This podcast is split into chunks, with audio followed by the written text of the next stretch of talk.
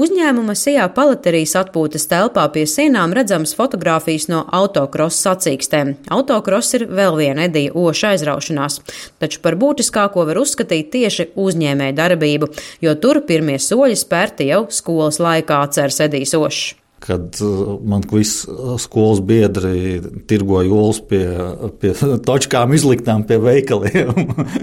bija man tikai 17 kaut kādi gadi, jau bija sava mašīna. Jau, uz, es atceros, toreiz uz lieldienām pār vienu nedēļu varēja nopelnīt sev normālu jaunu mašīnu. Vienkārši braucu uz, neatceros, tas bija kaut kādā ostā vai noliktavās kaut kur no vagoniem, pirku olas, vedu pie veikaliem un, un, un tādā veidā tirgojām. Tad jau 16 gados mēs ar uh, klases biedru paņēmām uh, čemodānus, sapirkāmies preces. Toreiz bija atceros, pat lielākā peļņa 400% uz bērnu podiņiem, plasmas. Aizbraucu uz turieni, nopirku visu, pārdevu, viss bija kārtībā. Jā, un vēl pirms tam jau naudas peļņa bija, kad uh, es strādāju Rīgas modeļa namā par modeli. Varbūt, ka tirgotāja gēns nākot no vecmāmiņas, nosaka uzņēmējs. Tagad tie vairs nav nekādi podeņi vai olas, bet gan nopietns eksports pasaules mērogā, īpaši uzmanību pievēršot Āzijas tirgumu. Sijā palaterijas palešu taras dēlīšu ražotne atrodas kuldīgā, taču biznes, kas saistīts ar koku, ir nejaušība, saka Edīsošs. Pirms tam par koku vispār neko nesapratu. 98. gadā atbraucu no Anglijas mācībām, nu, meklēju pa sludinājumiem, ko, ko darīt un ko gribētos strādāt strādāt. Protams, pašam interesēja tādas lietas kā eksporta lietas un, un, un saistībā ar tirzniecību. Vairāk kas tieši jā, vērsts uz eksportu, nevis ar iekšējo, jo iekšējo tirgu es sapratu, ka ir maziņš un jāskatās uz ārā kaut kas. Un bija konkurss toreiz tajā laikā, ostā tāds jā, tirgus tilts, ar tiem man pirmspākumu ar kokiem. Un pieteicos, konkursā izturēju. Tas tieši ar mani tagad dejo darba kolēģi. Mēs kopā, var teikt, divas dienas starpā sākām strādāt toreiz. Tā arī iesākās mūsu koku, koku joma. Tagad uzņēmuma apgrozījums gadā sasniedz ap 10 miljoniem eiro. Uzņēmējs uzskata, ka veiksme ir nepieciešama, taču visa pamatā ir smags darbs un laba komanda. Taču līdz tam ir jāizaug.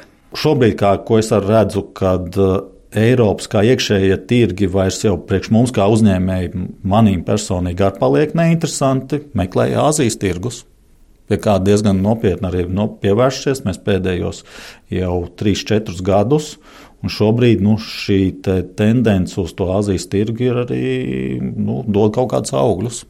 Nu, pirms tam mēs likās tas neaizsniedzams, bet šobrīd ir sakārtojusies varbūt pozitīvāka loģistika, ir radusies konkurence, patiešām radusies šeit mums Eiropā iekšienē. Līdz ar to mēs saskatām vairāk uh, potenciālu uz Āzijas tirgu. Tas ir varbūt nācis pats pa sevīm jau. Lai arī no malas varētu šķist, ka viss norit raiti, taču viegli nav spriež uzņēmējs, jo nav pārliecības par to, kas notiks rīt. Par pēdējā laika diskusijām sabiedrībā, kas skar nodokļus, savu viedokli pauž Sijā palaterijas īpašnieks. Tomēr vajadzēja valdībai izveidot kādu deklarāciju nevis īstermiņa domāšanā, bet ilgtermiņa domāšanā. Nospraust nodokļus nekustināt vispār ne pa labi, ne pa kreisi vismaz kādus piecus gadus. No tad pateikt, pēc pieciem gadiem mums būs tāda, tāda nodokļa. Mēs ar to arī rēķinamies, ka pēc pieciem gadiem mēs jau tās izmaiņas, teiksim, sajutīsim nevis tagad katru gadu decembrī, nu tad uh, mēģina kaut ko mainīt, un mēs pat nezinām, kas janvārī būs. Kaut gan visi biznesa plāni tiek veikti, kaut kādas kalkulācijas mums tiek veikti, uh, finanses resursi no bankām tiek piesaistīti, kur mēs liekam iekšā sociālais nodoklis, tik tāds nodoklis, tik ar kaut ko rēķinamies. Uh, šobrīd jau neiet peļņas uh, lielos apmēros. Ja mēs skatāmies, ja ir nu, no 3 līdz 6, 8% peļņa, tad tā ir ļoti laba peļņa. Ja runājam par 3%, un ja mums sāk izmainīt kaut kādas nodokļu politiku, tas grauj tikai mūsu attīstību. Viennozīmīgi nodokļu, nestabila nodokļu politika nedod attīstību. Tas bremzē attīstību. Uzņēmēja darbība nenozīmē peļņu tikai sev. Edijs Ošs uzsver atbildību pret saviem darbiniekiem. Noskaņojums darba vietā ir ļoti svarīgs. Ja šodien es aizslēdzu durvis, nolieku pie malas, oh, labi, viss kārtībā, es pārdzīvošu šos te, bet man aiz maniem jau stāv cilvēki, kuriem ir uh, ģimenes, kuriem ir šis te, nu, arī grib attīstīties cilvēki. Līdz ar to primārais ir nodrošināt šiem cilvēkiem stabilu darbu vietu un stabilus ienākumus. Ingozola Latvijas radio kurzmē.